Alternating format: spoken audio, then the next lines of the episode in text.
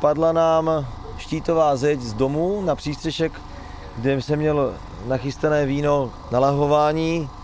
Spadlo nám to na mlínek, eh, na plničku, Vyleli jsme asi tisíc litrů vína, protože to nešlo. To máte minulý rok covid, teď tady toto, to jsou prostě takové živelné pohromy, které ten podnikatel nezaviní, které prostě neudělá nikde chybu. Určitě nějaké peníze tam jsou a nejsou to desetitisíce, ale možná se bavíme o nějakém milionu a do budoucna v těch třech daných sklizních. Takže tohle je určitě, co my budeme i nějakým způsobem dál asi žádat nějaké kompenzace a tady ty věci. Jižní Morava dál sčítá škody napáchané červnovým tornádem. Úřady zatím stále jen odhadují následky. Účet se v tuto chvíli šplhá ke 20 miliardám korun. Celková částka ale bude o řády vyšší. Mezi ty, kdo škody teprve zjišťují, patří místní vinaři. Jak na jejich podnikání přírodní katastrofa dolehla? Bude k nápravě stačit pomoc, kterou zemědělcům nabízí stát? A v čem je region Hodonínska a Břeclavska z hlediska vinařství specifický?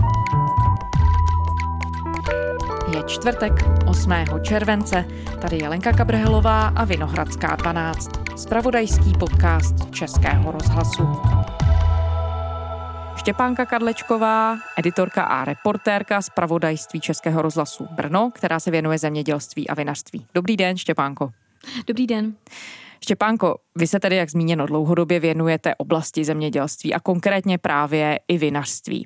Když se podíváme na ty obce na Břeclavsku a Hodonínsku, které jsou postižené aktuálně tornádem, ty škody podle prvních odhadů tam dosahují kolem 15 miliard korun, ale bude to zřejmě i částka vyšší. Vy jste se zabývala tím, jakou paseku napáchalo to tornádo právě v oblasti vinařství. Jsou tam už nějaké konkrétnější závěry?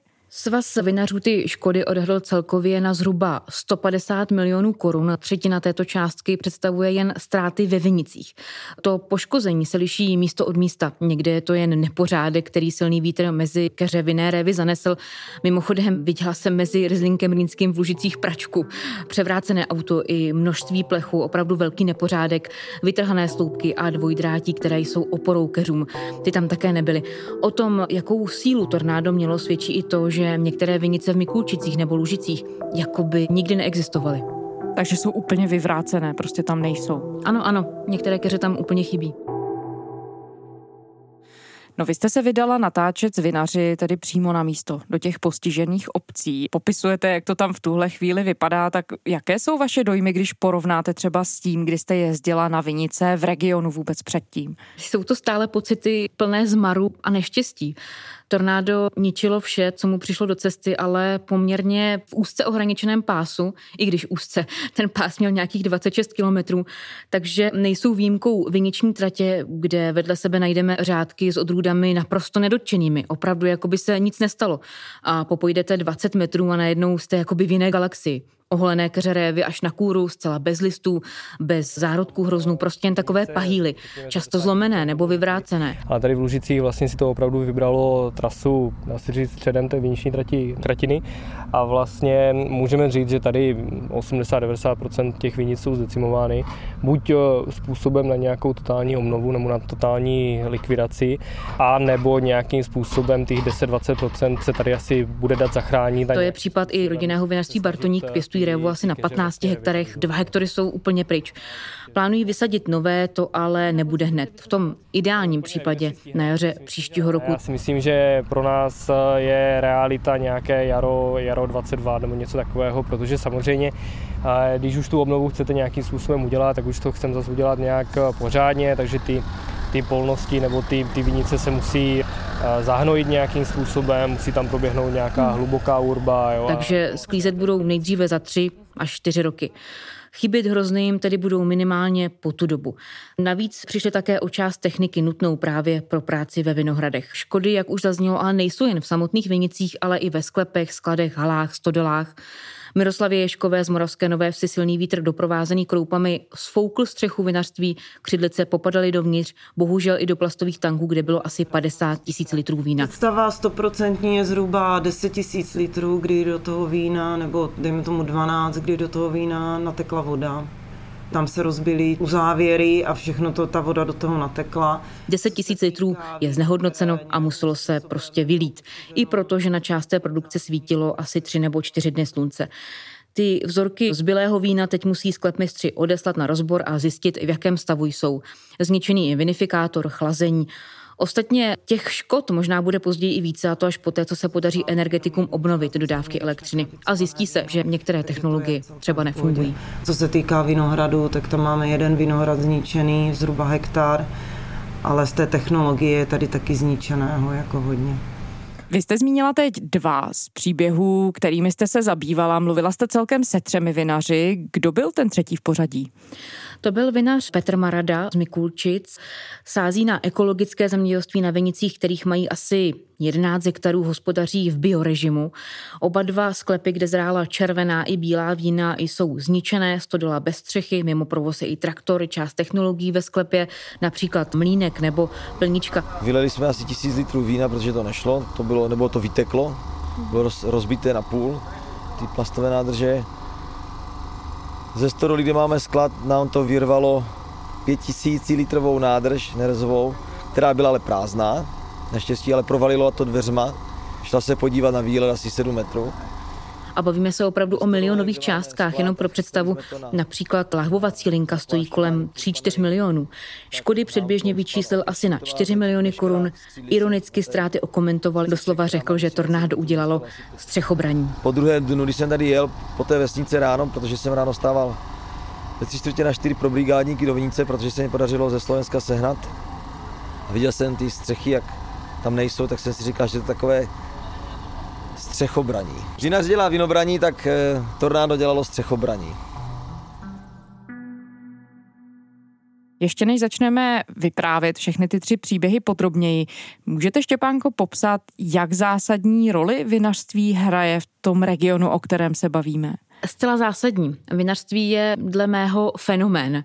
Je to tradice, je to odkaz našich předků, kultura, ale také biznis. Odvětví, které zaměstnává stovky lidí a nemyslím nutně jen enology, vinohradníky a třeba řidiče. Bavíme se o navazujících službách. Vinařské podniky potřebují pro svůj provoz sklo, papír na krabice, ale také grafická studia, reklamní agentury. A samostatnou kapitolou je samozřejmě turismus, tedy ubytování, restaurace, ale také kultura, folklor.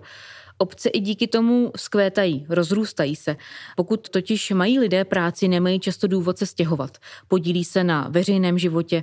Slovácká vinařská podoblast, tedy region, kterým se prohnalo tornádo, je specifická i tím, že tu nepodnikají dvě, tři velké vinařské firmy. Naopak, jsou tu desítky drobných vinařů, takový ti srdcaři, řekla bych. Jenom pro takovou zajímavost bych doplnila, že se tu daří zejména Rizlinku rýnskému a Rolanskému bílému a Slovácko je také domovem oblíbeného kabernetu Morávia. Ten vznikl křížením Zweigl-Trebe a kabernetu Frank právě v Moravské Nové Vsi, tedy dnes velmi postižené Moravské Nové Vsi. Takže si to máme představit tak, že to je region plný drobných, menších podnikatelů, kteří opravdu od píky si vydobili nějakou pozici nebo snaží se jí vydobít v tom přesně tak, průmyslu. Přesně tak, určitě.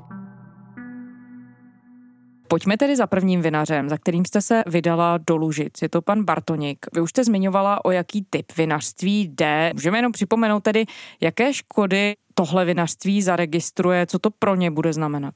Je to rodinné vinařství, obhospodařují asi 15 hektarů vinic a jeden hektar sadu černého bezu a menší plantáž levandule lékařské. Vyrábí totiž i sirupy. Teď ale linka stojí.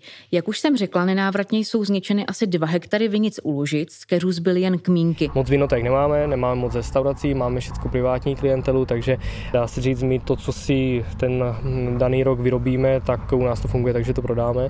Takže vlastně něco určitě chybět bude a ono se řekne řekne 2 hektary z 15, že to nevypadá úplně tak, tak hrozně, ale když to přepočítáme na nějaké množství, tak je to minimálně takových 10-15 tun za rok hroznů, kdy si to přepočítejte za tři roky sklizně dál. A... Jak mi sám Jakub Bartoník řekl, řešili, jestli vinici zachovat nebo rekultivovat a vysadit novou. Nakonec zvolili možnost poslední, nechtějí riskovat, že se nějaká onemocnění projeví později, takže že letos a minimálně další tři roky budou bez hroznů právě z té poničené plochy. Pro představu z dvou hektarů je to asi 20 tun, takže za ty čtyři roky to dělá zhruba 80 tun. Plánují hrozny vykupovat od ostatních kolegů a nesnižovat tak tu celkovou produkci. Ale nějaké víno jim přeci jen zůstane, protože těch hektarů mají 15, jste tedy říkala, jenom abychom si to představili. Ano, ano, určitě, určitě. Ale je potřeba si uvědomit, že na to, aby obhospodařovali zbylé hektary vinic, tak potřebují tu techniku a ta jim teďka taky chybí.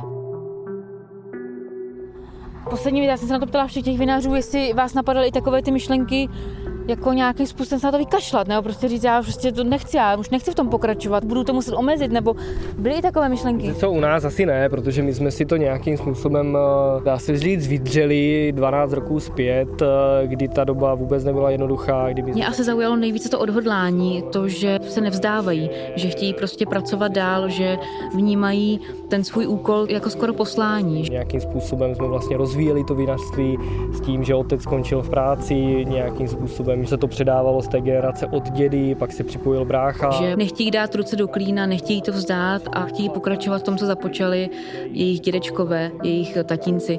Myslím, že to je hodně typické obecně pro farmáře, zemědělce, protože často jsou odkázaní opravdu na zvůli počasí a musí s tím pracovat, musí se s tím naučit žít a teď je to krásně vidět i u těch vinařů. Tak jak jsme si to vydřeli 12 let, no tak budeme muset nějakým způsobem teďka zase zatnout zuby a nějakým způsobem prostě to obnovit a nějakým způsobem pokračovat v tom, co, co, co, co jsme začali. Takže tak. Stačí. Já zrovna o Jakubi Bartoníkovi vím, že to je poměrně mladý vinař. Vystudoval střední vinařskou školu ve Valticích. Do vinařství se dostal díky tomu, že jeho tatínek a dědeček měli vinice. My vůbec, aby jsme se dostali k těm vinicím v Lužicích, tak jsme museli projet několik obcí. Projeli jsme samozřejmě i mezi policejními hlídkami, které se ptali, kam vůbec jedeme, co jsme si to dovolili, že vůbec opouštíme vymezený sektor. Zkrátka dostali jsme se tam, kam jsme potřebovali, do té viniční tratě u Lužic. Je to nedaleko železnice.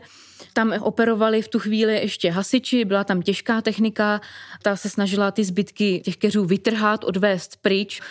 Byl to obrovský pocit zmaru, protože tam, kde jsme byli zrovna, tak ta vinice měla 80 let, takže tam ty keře rostly 80 let a pak přišlo tornádo a během pěti minut ty keře nebyly.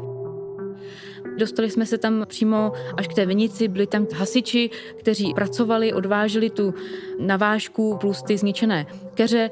Prošli jsme si tu oblast, prošli jsme si i ta místa, kde bylo, myslím, to rulandské bílé. Tam teď jsou ty kmínky úplně ořezané až zhruba na 5-10 cm a čeká se na to vyklučení. To proběhne podle mě v řádu týdnů, ale ta samotná výsadba bude až na jaře příštího roku nejdřív.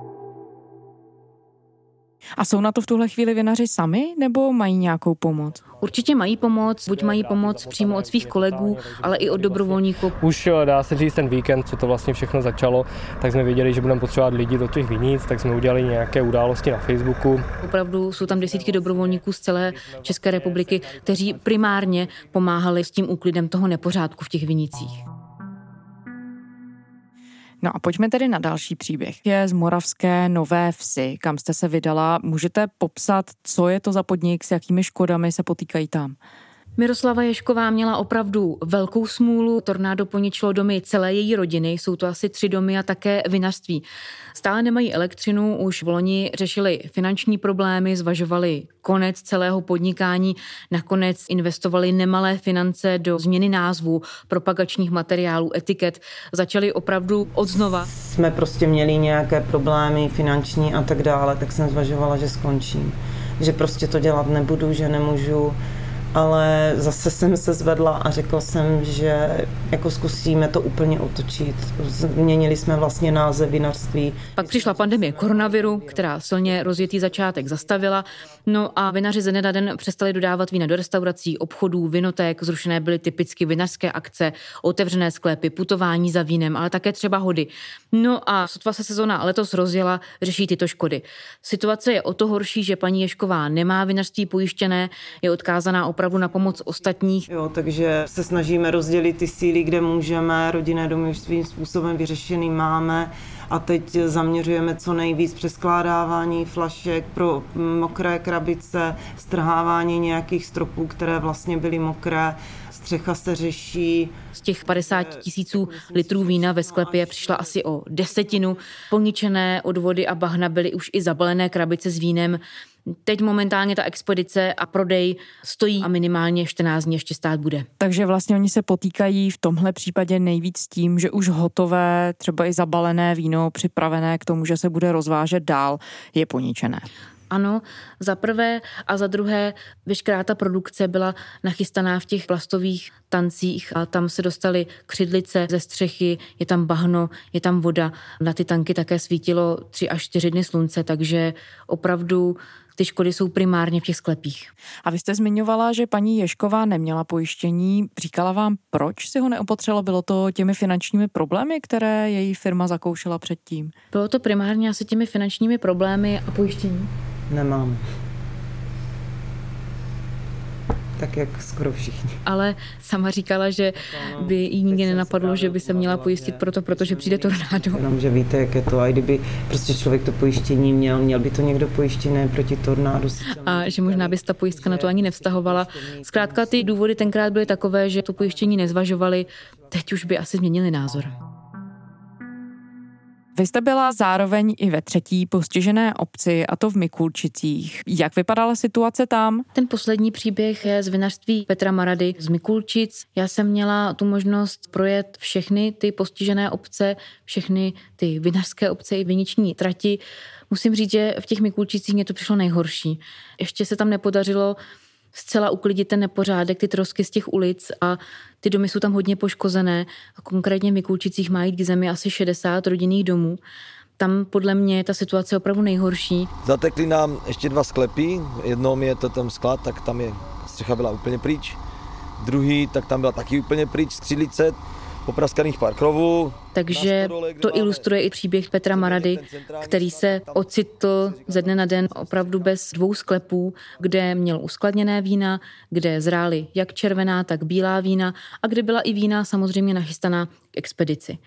Patří mezi ty menší vinaře, obhospodaří asi 11 hektarů vinic, hospodaří v biorežimu, takže jsou to opravdu spíše vína přírodnějšího typu a mají zničené také technologie ve sklepě, například mlínek nebo plničku.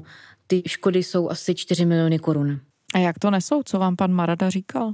Jsou hodně unavení. Konkrétně Petr Marada s manželkou bylo vidět, že už je to hodně zmáhá, že jsou hodně vyčerpaní, že stále musí řešit, že něco chybí, že něco prostě není, že něco nefunguje. Elektřina stále nefunkční, lidé chybí jak už jsem řekla, tak to, že se tohle stalo, ale neznamená, že ti vinaři mohou sedět doma na klíně a sčítat škody, ale musí dál pracovat. Musí pracovat ve vinicích, musí pracovat ve sklepě a ty možnosti jsou hodně omezené. Nemáme lidi na zelené práce, ozval se teda pambu zaplať a jim za, děkuju eh, pár vinařů, kteří nabízli jak postříkat vinici, tak pomulčovat. Ale řekla bych, že jim dodává sílu ta solidarita nejen mezi vinaři, ale i obyčejnými lidmi, kteří se prostě spojili a nechtějí je v tom nechat a pomáhají jim. Co v tuhle chvíli víme o tom, Štěpánko, jakou pomoc nabízí postiženým vinařům stát? Ty škody jen na zemědělském majetku jsou podle odhadů asi 1,5 miliardy korun. Ministerstvo zemědělství přislíbilo kompenzace až do výše 100%. Až 1,5 miliardy korun půjde na pomoc zemědělcům, potravinářům a lesníkům poškozeným tornádem na Jižní Moravě. Žádat o podporu budou moci z krizového programu Ministerstva zemědělství. Návrh dnes schválila vláda. Podle ministra Miroslava Tomana z ČR SSD bude rezort kompenzovat třeba škody na polích, v sadech, vinicích nebo lesích. Podpora bude určena i na poničené budovy. Ten rámcový program pro řešení rizik a krizí už vláda schválila. Je to podobný model jako v případě ztrát způsobených suchem nebo mrazy. Už ten předminulý týden uvolnil státní pozemkový úřad jako rychlou pomoc lidem a obcím poničeným bouří a tornádem asi 100 milionů korun na ty rychlé, jednoduché pozemkové úpravy. Bude to stačit? Jak to vidí jednotliví vinaři, když jste s nimi mluvila? Těžko říct, ani sami oni nevědí. Škody se můžou projevit i později a záležet bude na tom klíči, podle kterého bude rezort ty peníze přerozdělovat. A jak jsem řekla, tak opravdu vzhledem tomu, že ta elektřina ještě nefunguje, tak ty škody se můžou projevit i později. Vy jste mluvila i se svazem vinařů a jak to zmiňujete, obešla jste vinaře na místě, máte i dlouholetou zkušenost s tím, že se tím tématem zabýváte. Když teď se díváte na ty reakce po tornádu, přemýšlí někdo o tom, že by to opravdu vzdal? Tyhle myšlenky, myslím, vinaři hned zahnali primárně v úctě k tradici, těm předkům. Většina vinařství je rodinnou záležitostí po generace a shodují se, že zkrátka musí bojovat. Takže myslím si, že ne.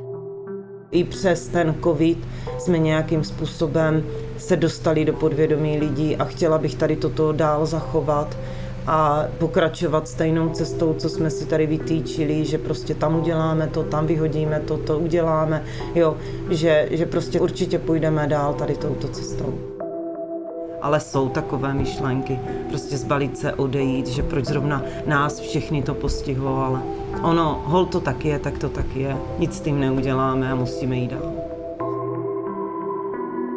Ale jak jsem řekla, tak ten region je opravdu specifický tím, že je tam hodně drobných vinařů. Takových těch srdcařů, zkrátka lidí, kteří mají běžnou třeba normální práci a vinařině se věnují po víkendech, po večerech, tak tam je samozřejmě i ta možnost, že na to nebudou mít čas, že zkrátka nebudou mít peníze na tu obnovu. Vy jste i zmiňovala, jak důležitým odvětvím vinařství v tom regionu je a jaké může mít potenciální dopady na všechny ty navázané profese. Dá se z toho všeho usuzovat v tuhle chvíli, jaký vliv to vůbec bude mít na život v těch postižených obcích? Je to obrovská tragédie. Lidé přišli o střechy nad hlavou, o své zaměstnání, o podnikání. Zemřelo několik lidí ale z dlouhodobého hlediska to podle mého tomu regionu možná paradoxně pomůže. Protože je to obrovská příležitost se zamyslet nad tím, co dělám, jak to dělám a jestli to dělám dobře, navázat na ty dobré věci, anebo naopak změnit ty špatné věci. A hlavně si myslím, že řada, teď když se bavíme jenom o turismu, tak řada turistů do toho regionu bude jezdit jenom proto, že bude těm podnikatelům, a věřím v to a doufám v to, že jim zkrátka bude chtít pomoct.